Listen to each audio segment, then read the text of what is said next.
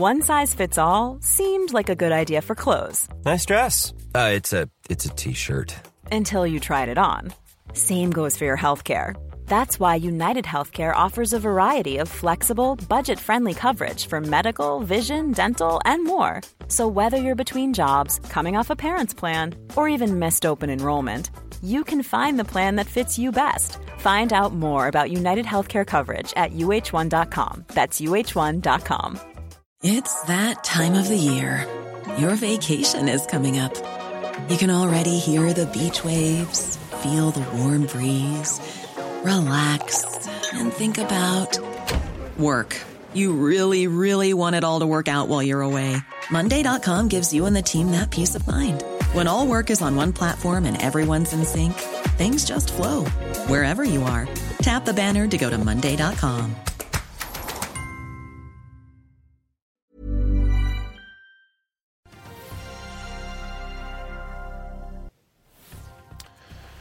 Det er eh, tirsdag 11. oktober, og vi får besøk av Jan Petter Sissener. PGS er ute med ferske tall. Hvordan måler de seg mot eh, TGS, og hvor Energi kutter i guidingen sin?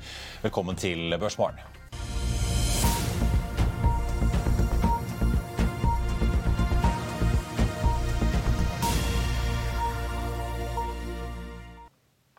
Riktig god morgen og velkommen til Børsmorgen her hos oss i Finansavisen. Mitt navn er Marius Thorensen, og med meg har jeg aksjekommentator Karl Johan eh, Målnes. Vi skal straks eh, ta med Jan Petter Schissener, men først en liten oppsummering før markedet åpner. DNB Markets venter at eh, børsen vil åpne ned 0,9 i dag.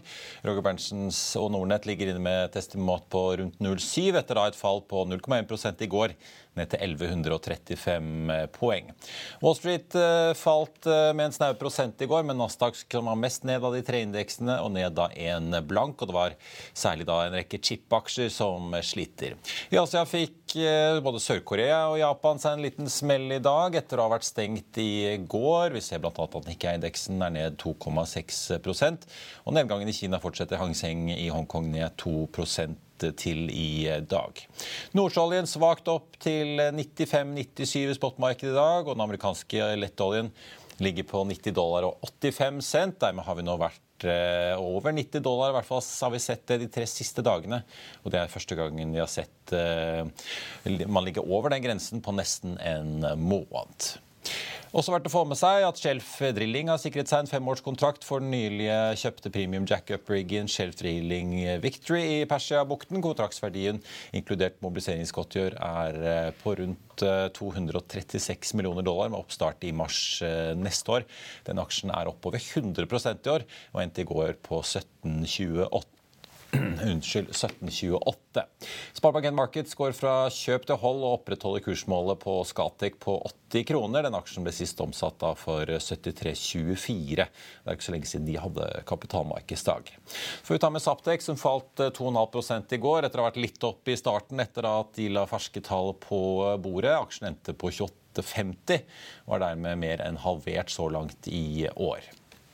Paretos eh, Carl Jørgen Flaen har en kjøpsanbefaling på Saptek med kursmål 50, men senest i april lå han inne på 90 kroner. Han mener eh, at aksjen på dagens prising virkelig begynner å se interessant eh, ut. Da Karl Johan, skal vi kaste oss over PGS-tallene som har kommet på morgenkvisten i dag. TGS-konkurrenten kom jo med tall i går. Hvordan ser det ut fra PGS? Nei, PGS det er på konsensus med Q3 Sales, 199 millioner dollar. Nå var jo Det høyeste estimatet 234, og det laveste er 158, så det er stor spredning i estimatene. Men det er jo akkurat som forventa av sju analytikere. Og Det viser jo hvor vanskelig det er å spå på noe sånt som et inntektstall. Store variasjoner i multiklientsalg. og og, eh, så det er jo ikke så lett å spå eh, på denne type virksomheter. Men eh, dette her var akkurat som forventa. Ja. Og så Vår Energi er ute og kutter i guidingen sin. Eh, de lå på 230 000-245 000 fat. Nå tar de ned til 220-225. Skylder på både litt utfordringer på egne og partnerfelt. Ja, 6 ned på volum på året. Det er jo en god del så sent på året. Men uh, det var veldig høye priser de har oppnådd på, uh, på, spesielt på gass. da. Ja. Veldig, veldig høyt. Så jeg tror, de har, jeg tror det går bra med vår energi. Jeg tror ikke jeg har noe klager over. Det går nok rundt ja. på Torgerød og Co. Over 200 dollar fatet i, i gasspris, var det det? Ja. Nei, det er jo helt... gode penger. Jeg merket meg at de fortsatt driver og eh, nedprioriterer opptak av eh, NGL, eh, altså petroleums... Ja. Hva heter det? si, Gasser og sånn, for å få ut mer gass da, av disse feltene. Og så skriver de jo for så vidt at eh, vedlikeholdsrunden i år gikk som planlagt til budsjett, så det er jo godt nytt etter kostnadsmelden de hadde på Balder-prosjektet. Ja. Ja. Vi får se. Jeg ser aksjen ja, omtrent gjort det som Aker BP både i år og siste, eller altså siste halvår og siste måneden. Da. De kom jo på børs litt tidligere i år, eh, ned en 7 omtrent siste måneden. Litt Ja. sånn eh, avdempet stemning. Ja. Ja. Eh, vi må også kort innom før vi tar inn eh, Sistner her. Eh, REC, hvor det er, ser som det er et fullt aksjonæropprør mot koreanske Hanwa? Dette er veldig positivt for aksjen. fordi Ladbrokk er et lite hedgefond i London. De er flinke. De, de siste de gjorde, var at de klarte til og med å slå Elliot Management om en kamp om et oppkjøp av et bakeri i Sveits. De er flinke. Jeg tror Av alle ting, ja. Av alle ting. Michael Brandberg heter han som leder dette. her. Og de, eier, de har jo 20% av den obligasjonen, men Hanva vil ikke snakke med dem. Og det, det viser jo at Hanva eller eh, altså REC eh, eh, vil ikke snakke med dem. Det viser jo at det selskapet da har vært uten styring. Når du, når du ikke vil snakke med din, eh, en av de største obligasjonseierne. De sier sjøl at de har vært med, var hjørnesteinsinvestor på det obligasjonslånet for fem år siden. Ja, for De har jo lagt ut et fullt brev. eh, Ja, og det, og det skal fornyes neste år. Så, så, så, og de foreslår da at de skal selge den ene fabrikken, da, øh, Butt-fabrikken, for, for, mellom 3, ja. for mellom 300 og 400 millioner. Så worst case her, da, så ender det opp med at uh, de får en bedre sikkerhet på den fabrikken. Jeg tror ikke det er så lurt å selge høns i regnværet og selge en sånn fabrikk i nedgangskonjunktur med 5% rente. Det, da får du fornya obligasjonslånet kanskje etter to år. og og da går verden videre. Det er worst case. Så det, ellers Obligasjonsinvestorer er jo sånn, de er veldig passive. Det er liksom sånn som politiet utenfor skoleskytinger. Det er ingen som griper inn, da, og så står man bare utafor. Ingen som liksom, ingen som liksom eh, er villig til å gjøre det. Dette er liksom som, som moren da, i, på skoleskytinger. Hun hopper inn, berger ut sine egne barn. Makaber analogi, Ja, ja. Men, ja, men altså, Men de, de, de engasjerer seg, de bryr seg. Og det virker ikke som det er noen som bryr seg om selskap. De eneste som bryr seg, det er norske retail-investorer som ser ting som ingen andre ser her. Ja, for Lodbrok er jo, de mener jo at her blir det bukken som passer havresekken hvis det er eh, bare han som skal kjøpe produksjon fra Ja, vi har jo, Rex ja, da, og vi, vi har jo skrevet det at det eneste naturlige her det er en interessekonflikt, åpenbart. hvis ja, ja, det er det eneste eneste naturlige er at de er nødt til å kjøpe dette. De er nødt til å kjøpe rekk, eh, hvis de skal ha dette forhold. Fordi at det, det er umulig å fastslå hva som er riktig markedspris eh, når markedsprisen blir satt i Kina. Eh, For 95% av det som produseres, hvis du har kunstig høye priser i eh, Vest-Europa, så er ikke de villige til å betale full pris på det på discounted cashflow-basis. Det er en sånn backup. Dette er en luksussak for Hanva for, eh, hvis de velger å beholde dette, for å kunne klare å komplettere produksjonen som de skal ha for å bygge en verdikjede. Men Hanva føler seg skuffa. Den amerikanske regjeringen de jo, har jo gått bort fra det å stenge andre ute. Da. Så de har opphevet jo eh, tollbarrierene i 24 måneder, og dermed så er business case dødt. Så han var følelsesmessig skuffa, de er forvirra, og det er årsaken til caset.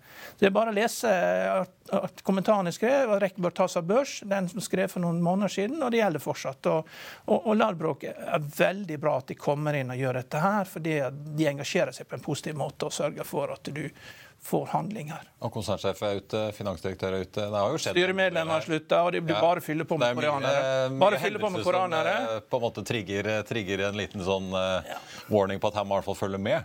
Ja. Ja. Ser aksjene var opp en 0,75 fra start, nå rundt null, på en børs eh, hvor hovedindeksen er ned eh, hele 1,1 fra start. Vi skal ta inn eh, dagens gjest. Vi er eh, straks tilbake. La oss i Finansavisen hjelpe deg med å holde deg oppdatert på alt som skjer i finans og næringsliv. Hver morgen er jeg, Marius Lorentzen, og aksjekommentator Karl Johan Målnes på plass i studio for å ta tempen på dagens marked i Børsmorgen. På ettermiddagen oppsummerer vi alt du trenger å vite i økonominyhetene, og så får vi selvfølgelig besøk av masse interessante gjester. Du finner oss på fa.no-tv, eller ved å søke opp Børsmorgen og Økonominyhetene der du hører på podkast.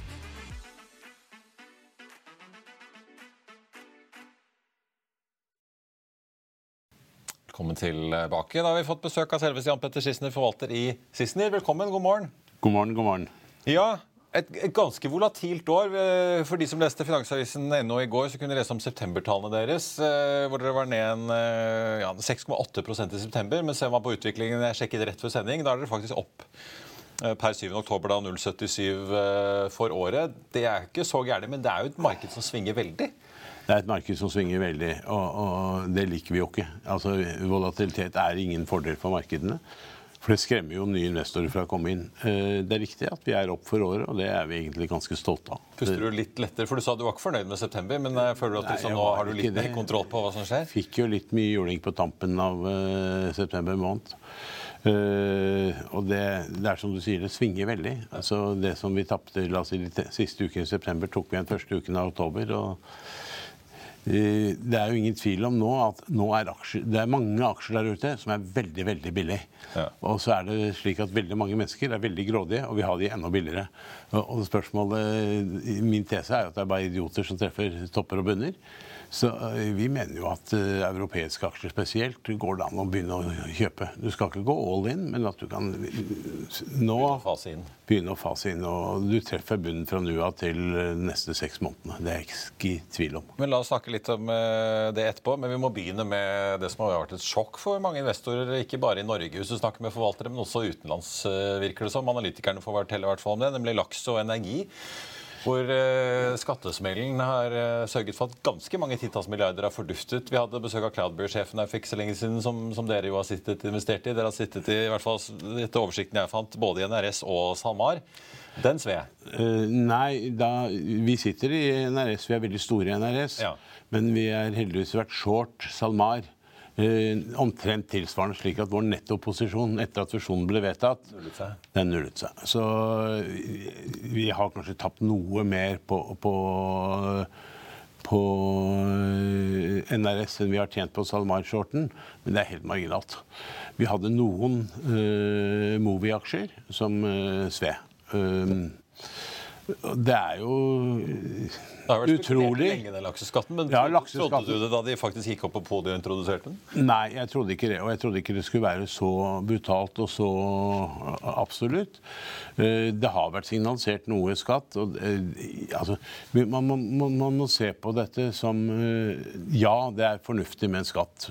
Så er spørsmålet når den skal legges. Det var ingen som snakket om lakseskatt da millionene rant ut av lakseselskapene på 90-tallet. Og kredittkassen tok kjempetap på Panfish og hva de het for noe.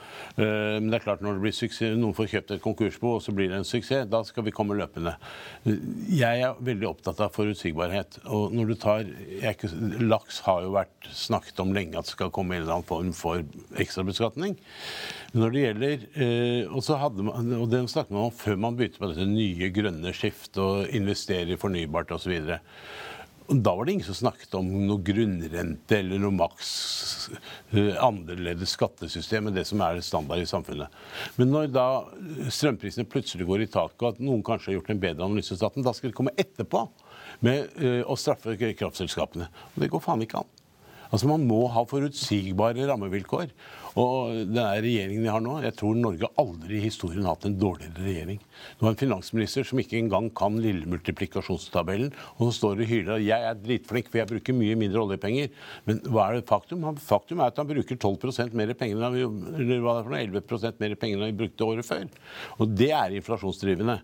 Og at han ikke kaller, altså at vi kutter ned på oljepengebruken, det er bare tulleball. Han, sparer, han trekker inn penger fra Norges befolkning og selskaper for å spare mer i oljefondet. Bare tulleball. Finansdepartementet hadde jo en fin korrigering av oljepengebruken hvor de hadde tatt ut strømstøtten. og Da så det ut som eh, mange milliarder var kappet vekk. Ja, det, ja. Og, og det er... ja, hva gjør du nå, da? Jeg, liksom, eh, jeg mener at... Tror du det blir en risikopremie på disse aksjene fremover? da? Det blir ikke bare en risikopremie på de, det blir en risikopremie på alle norske aksjer. Eh, det er jo dessverre slik at Norge, når du skal investere noe penger, så starter du i Norge med et handikap i størrelsesorden 2,2 prosentpoeng. Du har 2,2 prosentpoeng høyere kapitalkostnad enn alle aller fleste land det er naturlig å sammenligne seg med. Ja, så Skal du starte en virksomhet, så kan du ikke konkurrere ut fra Norge. Utlendinger syns det er svært attraktivt, for de vet at når en nordmann investerer, så er han 2,2% høyere avkastningskrav. Det avkastningskravet kommer jo dem til gode. Derfor er utlendingene veldig aktive i Norge, har vært historisk. Hvis det blir uforutsigbart, så vil de legge på en sånn bananrepublikkpremie på toppen. Ikke sant? Og du skal huske på at Utlendingene er dobbelt så store på Oslo Børs som nordmennene er. Karl, du har jo snakket om at folk er jeg vet ikke om jeg skal bruke fôret, men sinna på Vestlandet? Ja, det, det, det, er klart Den som er nærmest, er de som er mest forbanna. Og Vi har jo hatt leserinnlegg her. Er Styrformann i Austevoll Seafood skrev jo veldig klart. Sparte ikke på kruttet, akkurat? Nei, og det, og det folk er rasende forbanna. De er forbanna på Oslo, de er forbanna på regjeringa, de er forbanna på veldig mange. Og det har de grunn for. For det, er jo hardt arbeid, masse risikotagning og eh, masse prøving og feiling som har gjort det det de har kommet der de er. og det er jo ikke, Staten hadde jo aldri klart det. for å si det sånn da. Men det er klart, utlending, det er klart de også, men de tilpasser seg. ikke sant? Det er jo, det er jo, De har 30 000 aksjer å velge mellom, og nå er det ti aksjer som de vil se mindre på. Avkastninga faller kanskje fra 25 til 12% og da er det mindre attraktivt. Men det, det er mye lettere for de å tilpasse for de har jo alternativ. Men hvis du eier butikken, da er du enda mer grunn til å bli forbanna. Ja. Og, eh, og det, dette er jo ikke over. Folk er virkelig sinte. Altså, du, kan, du, må ikke skape sånne konflikter mellom kysten. Det er hardt å bo der. Det er hardt arbeid. og det, Oslo det er, ja, det er som en slags Syden. da. Det er jo litt sånn manjana her. da. Vi, får ikke, vi klarer ikke togene til å gå i rute engang her nede. Det er jo helt Spania. Spania er vel luksussted i forhold til Norge. Men, er, men er det liksom, Ser du noen andre sektorer hvor det kan eh, på en måte dukke opp noen sånne faremomenter eh, som er igjen nå? eller? Nå har du jo tatt uh, finanssektoren. ikke sant? Du har fått finansskatt. Der er det en ekstraskatt allerede. Ja. Ja, det er to ekstraskatter. Først har du 5% ekstra arbeidsgiveravgift. uh, fra 14,1 til 19,1. Og så fikk du ytterligere 5% nå på de som er Alle over 750 Alle over 750 750 000. Du skal ikke ha høy utdannelse før du tjener 750 000 som 35-åring, altså. Sorry. Og, og, og jakt, det disse fantastiske idiotene av politikere ikke skjønner, det er at jakten på kompetanse er global. Og øh, de, veldig mange er veldig tilpasningsdyktige hvor de jobber. Og hvis vi skal konkurrere et, og bygge et fremtidig næringsliv, så nytter det ikke at vi er handikappet både på finans, øh, altså på øh, formuesskatt og på arbeidsgiveravgift. Det er jo ingen andre land i verden som har 25 arbeidsgiveravgift. Bortsett fra svenskene, men de har jo ikke formuesskatt. Så, og der er det satt her på fredag og sa det skulle koste dem 70-90 millioner, regnet de? Ja, det skal sikkert. Men det som er skremmende her altså Vi har en økonomi, eh, statsøkonomi, som driftes på tre ganger Finland omtrent. Finland har faktisk noen hundre tusen flere innbyggere enn Norge. De har vel så gode skoler, helsesystemer, veisystemer, alt. Og de har et, en regjering som skjønner næringsliv. Hvorfor skal det koste tre ganger så mye å drifte AS Norge? Og skal du sammenligne med Sverige. Det er en sløsing i offentlig sektor som ikke ligner grisen. Offentlig sektor utgjør nå noen og 60 av BNP. Det er helt sykt. Ja, hva gjør du da? Tør du å sitte i sjømat nå, eller? Hva? Nei, vi sitter ikke. Nå blir vel detaljene meislet ut på Stortinget, denne lakseskatten? Ja, jeg kom akkurat fra Frankrike i høstferien og la merke til at en, en kilo laksefilet hos fiskebutikken, ikke supermarkedet, men fiskebutikken, kostet over 500 kroner. Da møter du hva jeg vil kalle demand destruction prisene går ikke høyere enn det. Fordi en kilo kylling, eller en hel ferdiggrillet kylling som sto grillet utenfor fiskebutikken, kostet under 100 kroner. Ja. Og da, det er klart at god, Laks er godt, men det er ikke så godt. Så eh, du kan, eh, og, og da blir det for dyrt. Så jeg tror vi er på peak. Og, og, med en så usikker verden som vi har. Så, Nå er det jo barbert såpass mye av kursene på en måte at uh, Det er barbert mye, og jeg tror faktisk Noen vil jo kanskje tenke at det er en kjøpsmulighet? Ja, det kan være en kjøpsmulighet. For jeg, nå har jo kan du si, industrien sagt hva de mener. Dette er et forslag. Alle forslag kan modereres. Nå leste jeg en eller annen flash om at regjeringen hadde en ny plan hemmelig plan på ytterligere inndragning. Men jeg skjønner ikke at ikke regjeringen kan skjønne at de skal kutte penger. Ja. Kutte forbruk. Kutte unødvendigheter som elektrifiseringen av sokkelen, en del utbyggingsprosjekter som kan vente. Regjeringen skal jo være den som balanserer aktiviteten i samfunnet. Når det går dårlig, så øker de aktiviteten. Når det går bra, som de påstår de gjør, det tror ikke jeg de gjør, men det er en helt annen side av saken. Når det går eh, bra, så skal de redusere aktiviteten. Så se å redusere aktiviteten. Altså, vi, det kan ikke være riktig at norske skattebetalere skal betale jobbsøknaden til Jonas for å få en ledende internasjonal jobb, han også, som alle hans forgjengere har gjort. Det gidder vi ikke lenger. Erna Jonas og Kjell Inge, som alle sitter i FN. Og... Ja, Kjell Inge han har nå greid det selv, da. Men eh, Erna Jonas har brukt våre skattepenger. Så, og, og Gud kan bare fortsette. Gro, eh, Jagland eh, Farmo har Alle sammen. styr på en FN-butikk hvor det er litt etterforskning på gang. Ja, og det, så hadde du han Sol, Solheim. Han, eh, var ikke han som var sjef for eh, Verdens miljøvernfond da, og brukte, reiste på første klasse døgnet rundt hele tiden? Erik Solheim. Man skal rekke, vet du. Ja, det er sånn det er. Har du blitt ringt om flyremisjonen? da? Du sitter jo i Flyr. Ja, vi sitter i Flyr, og det er veldig interesse rundt Flyr om dagen. Eh, Jeg tror jeg blir nedringt av forskjellige journalister. Vi har ikke blitt ringt opp på noen emisjon. Eh, Jeg skal si De sonderer jo markedet. De var litt sånn diffuse på hva de egentlig ser for seg av på en måte refinansiering eller finansieringspakke her. Hadde jeg vært Norwegian, så hadde jeg løpt og kjøpt Flyr i morgen. Tenkte å slippe å ha en konkurrent. Det koster deg ingenting. Du trykker, altså, selv om du dobler kursen på Flyr, så koster det ikke noe penger. Eh, og så blir du kvitt en konkurrent. Og SAS vet du ligger nede med brukket rygg, så kan du heve prisene. Og at, men det, at det skal være slik at det eneste konkurranseparameteret SAS og Norwegian ser, det er pris, det synd. Det, det gjør at alle taper penger. Vi tror faktisk på Flyr. Det er en kundeopplevelse som er mye bedre. Uh, virkelig. Eh, og uh, hadde jo håpet at Erik med sin kompetanse skulle få til dette her. Så har han hatt uflaks både med korona og uh, med krigen. Så eh, vi skal se på en eventuell emisjon og drivstoff. Ja, Vi skal se på en ny emisjon med, med, med veldig positive øyne, men vi må jo se en businessmodell som leder til lønnsomhet, som vi kan sannsynliggjøre. Men må han stille opp selv, da, tenker du? ja, det, men det tror jeg han gjør. Eh, han har fremdeles noen penger igjen. Eh, så, eh, men jeg tror det vi, vi, Jeg har også sagt sa vel det til en av dine kolleger, at det er avhengig av at vi nå får inn en, skapt en aksjonærbase som det går an å bygge på. Fordi det kan ikke, du kan dessverre ikke bygge norske virksomheter på retail-markedet. Og, og så får vi se hva som skjer. Det, måten, det blir i hvert fall lettere for, eh, tror jeg, for Flyr å hente de pengene de skulle trenge, enn det er for SAS å hente 10 milliarder kroner. Det er jeg helt overbevist om. Ja, De har i hvert fall fått et forbrukslån, men eh, de, altså, Flyr møter jo et Norwegian som har eh, blitt så å si kvitt all gjelden sin og fikk masse penger inn på konto under pandemien. Så det er jo en tøff konkurrent eh, Bråten og co. møter, da. Ja da. Men sist det var vel en Bråten gikk vel til KLM en gang. Da Bråten tenkte en, å konkurrere med SAS, så fikk de et samarbeid med KLM. og Det ville jo vært litt pek til SAS-sjefen å gå til hans tidligere arbeidsgiver og få til et samarbeid med KLM. og og ta det den veien, og at du kan eh, bygge, bygge, bygge videre på det. da. Det er ikke egentlig utfordringen at bare de er for mange. Det er liksom Widerøe klager over at prisen i Norge er lav. eh, Norwegian de er litt mer diffuse i formuleringen og er litt mer positive. Men altså, de er jo nå fire stykker, da. Det er- SAS. Det er det. Pluss utlendingene, selvfølgelig. Ja, og, og det er jo, altså disse flyprisene nå er jo helt latterlige.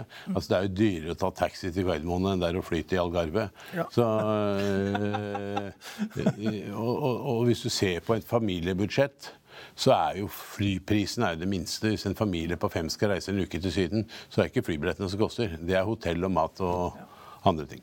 Jeg hadde håpet at flyselskapene var lært, for det er jo ikke slik at Norwegian tjener masse penger. De blør, de òg. Pengene renner jo ut. Og, og Spennende blir å se hva Norwegian skriver i Q3-rapporten sin. for de var, eh, de var langt mer positive i trafikkrapporten som kom nå forrige uke, enn de andre. Det var de. Så vi får se. Altså, ingenting gleder meg mer enn om Norwegian virkelig tjente penger. Men øh, jeg skulle gjerne sett at de hadde en litt bedre kundeopplevelse. At de fokuserte litt på det òg. Vi snakker litt om uh, Storebrand og disse finansaksjene på eh, slutten. Herman er ute og sier at han har satset på Storebrand igjen. Men det er jo mye uro rundt disse finansaksjene rundt i Europa. Vi har sett uh, Credit Suisse er jo en case for seg selv, men det, det ryktes jo mye på, i sosiale medier om eh, britiske pensjonsselskaper, og så er det jo ikke så lett å si hvor mye av dette som eh, er håndfast og stemmer eller ikke. Hvordan leser du på en måte den sektoren? nå? Du har jo alltid vært glad i Storbritannia, Petter. Ja, altså jeg, jeg, syns det er mye rart å si om, de, om sektoren. Det er ingen tvil om at den sektoren er ordentlig billig. Og så er spørsmålet skal vi nå inn i en dyp resesjon. Nei, jeg tror ikke det. Jeg tror uh, rentebanen mer enn diskonterer de uh, rentehevingene vi kommer til å få. Vi får en peak en inflasjon som piker desember-januar på year over year, og så vil den falle gjennom neste år. Og ja, vi skal eh, foreta ytterligere opplåning i eh, eurosonen. Nå skal de gjøre det. Nå er de såpass skviset at nå gjør de det som én en enhet. Eh, Storebrand har kommet ned, særlig de siste ukene, 10% på noen fantastiske regnestykker ikke har sett, om at de ikke greier solvenskravet på 180, slik at de kan fortsette tilbakekjøp. Jeg syns at Storebrand er på gi bort-priser. Jeg kan ikke si For er ned nesten 20 så langt i år nå? Ja. Ja, og, og bare siste uken så er den vel ned 10 Vi syns jo det gi bort-priser. Vi har kjøpt litt mer og kommer til å fortsette å kjøpe mer så lenge vi har plass innenfor 10 %-grensen. Men, men øh, hva er det Storebrand handler på? da? Ti ganger earnings eller noe sånt nå? Og, og en solvenskapital Altså, du, jeg, våre regnestykker stemmer ikke med de ryktene vi hører om regnestykker i London og folk som har lagt short på Storebrand. Min redsel er jo ikke at Storebrand ikke går til 100, at det blir tatt over på 80-90 kroner av noen. Så der sover jeg ekstremt godt om natten. Og, og de... Hadde du sovet like godt, Karl Johannes, du var aksjonær i Storbritannien? Jeg, kan gjerne fortsette det, for du har noe som gilder Jeg tipper du får eh, fire kroner i utbytte, så da har du altså en gild på nesten 6% løpende avkastning. Du har tilbakekjøp i tillegg.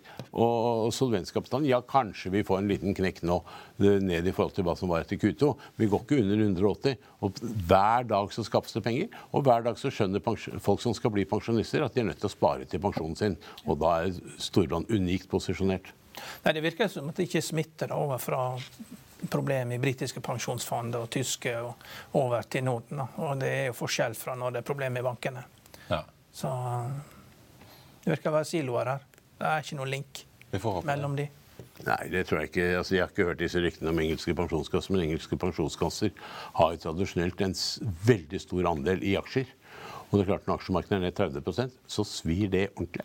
Mm. Eh, aksjemarkedet er jo altså mellom 20 og 30% ned i år, er det ikke det? da? Men, men giltsmarkedet var jo halvert seg i verdi, ikke sant? Og det også. Det er klart det og Du har jo brukt dette her. Dette er jo en eiendel som bare har svingt med 5% i måneden. Den faller med 19 på ei uke. Så, så, de ligger jo og selger aksjer, da. Så det, man må jo passe på da hvis man har ja, sånn som Bailey Gifford og sånn, alle pensjonskassene putter penger inn i Englands svar på ARK. da. De har jo masse penger inn der, så det går jo ut nå. Så man må passe på det kommer aksjer ut derfra. altså. De selv, vil nok være på selgeren. Net redemption. Mye som skjer i London dagen. og ja. støtter stadig får nyheter fra Bank of England om at de må ta grep.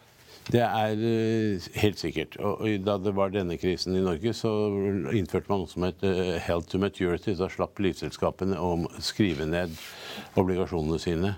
De ble bare puttet på par til, holdt til såkalt maturity. Og Det er det som kommer til å skje med disse gilt-bondene. Og tenker jeg så slipper å ta mark to market. Ja. Eh, men eh, ja, nei, men det er jo gjerne det når livselskapene og pensjonskassene må dumpe aksjene sine. Det er da du ser bunn i aksjemarkedet. Ja. Så eh, det er godt mulig det er det som foregår nå. Vi er i hvert fall ikke veldig engstelige. Vi tror at vi løpet av Nå skal vi gjennom Q3-rapporteringen den blir nok ålreit. Jeg tror ikke det er noen grunn til å frykte den. Ute i går sa De tror Q3 for europeiske selskaper blir ganske bra. At det er først i Q4 og Q1 man begynner å se at det virkelig strammer seg til. Og... Det, det, er vel noe sånt vi tror òg. Ja. Uh, og da er det det som er viktig nå i forbindelse med De sa det samme i forbindelse med Q2. Q2 kommer til å bli bra, men det er Q3 som skal til. Nå har vi flyttet oss over det. Nå har vi skjøvet til tre måneder. Det er guidingen som er viktig guidingen vi får, som er viktig. Og så er det litt liksom, ja, Nå ser jeg at de har bestemt seg for at gass ikke skal koste mer enn eh, var det 70 euro per det var et eller annet. Ja. Hva det er for noe. Eh, det som de ikke har fortalt oss, det er hvordan de skal implementere det. Hvem skal betale differansen? Eller skal de påtvinge russerne eller andre til å selge gassen til maks 70? Sist jeg sjekket, så kan en eh, endre kurs. sånn at uh, Det er noen kjøpere i Asia som gjerne tar de lastene, tror jeg. Det er såpass dramatisk i et par land i Asia. Det er det, i mange land. Europas støvsuger. Ja. Så vi får se hvordan de har tenkt å gjennomføre det, da. Vi får se. Jan Petter Sissener, takk for at du eh, kom innom oss. Så får vi følge med på guidingen, eh, som blir interessant for å se hva selskapene tror om eh, hvor de står i dag og veien videre. Ganske saftig ned på en god del aksjer nå, Karl Johan.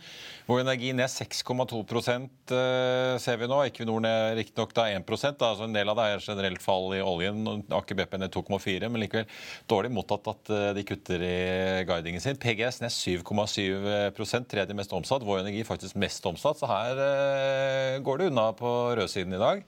Ja, det ser sånn ut. Ser forstått for så vidt opp 2,1% så det virker jo som flere syns det er positivt, som du sier, at uh. Lodberg Capital er inne og rører litt i vannet. Ja, og, Men nå må, vi jo, nå må jo han bare begynne å snakke. Jeg har ikke hørt noe fra dem. altså. Det, eller REC, hovedeieren, uh, han må snakke gjennom REC, da. Ja. Og må gå i dialog da med en stor obligasjonseier. Det er ikke så lenge til det obligasjonslån skal fornyes. Får uh, følge med. I hvert fall uh, Rekk og SalMar. To store grønne unntak, i tillegg til faktisk Movi nå, som også er opp 0,1% på listen over mest omsatt, som faktisk da er i grønt. Resten er uh, rødt uh, jevnt over. Jeg var inne på Aker BP ned 2,2% Hydro ned 2,7 Equinor ned ja, så vidt under uh, prosenten uh, akkurat nå, med da Vår Energi og PG som de to store taperne på toppen av omsetningspallen fra start. Ellers så får vi også ta med Golden Ocean, ligger også ned 3,4% Tomra ned 1,4 på mest omsatt-listen. Nell halvannen prosent. Og Elmera ned 11,7% tidligere kjent som Fjordkraft, var det vel het i gode gamle dager. Nordsjøoljen på 95,20 ned 0,7% nå, så vi har falt litt ned der etter hva det var i morges.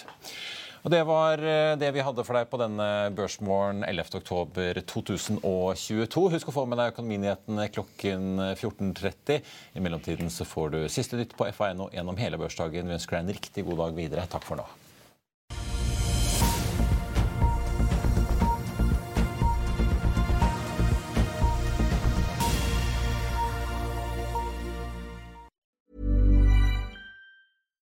When you make decisions for your company, you look for the no-brainers. And if you have a lot of mailing to do, stamps.com is the ultimate no-brainer. It streamlines your processes to make your business more efficient, which makes you less busy. Mail checks, invoices, legal documents, and everything you need to keep your business running with stamps.com. Seamlessly connect with every major marketplace and shopping cart Schedule package pickups and see your cheapest and fastest shipping options from different carriers. With rates up to 89% off USPS and UPS rates. And with the Stamps.com mobile app, you can take care of mailing and shipping wherever you are. Make the same no brainer decision as over 1 million other businesses with Stamps.com. Sign up with Code PROGRAM for a four week trial, plus free postage and a free digital scale. No long term commitments or contracts. That's stamps.com. Code program. Økonominyhetene er en podkast fra Finansavisen. Programledere er Marius Lorentzen, Stein Ove Haugen og Benedikte Storm Bamvik. Produsenter er Lars Brenden Skram og Bashar Johar. Og ansvarlig redaktør er Trygve Hegnar.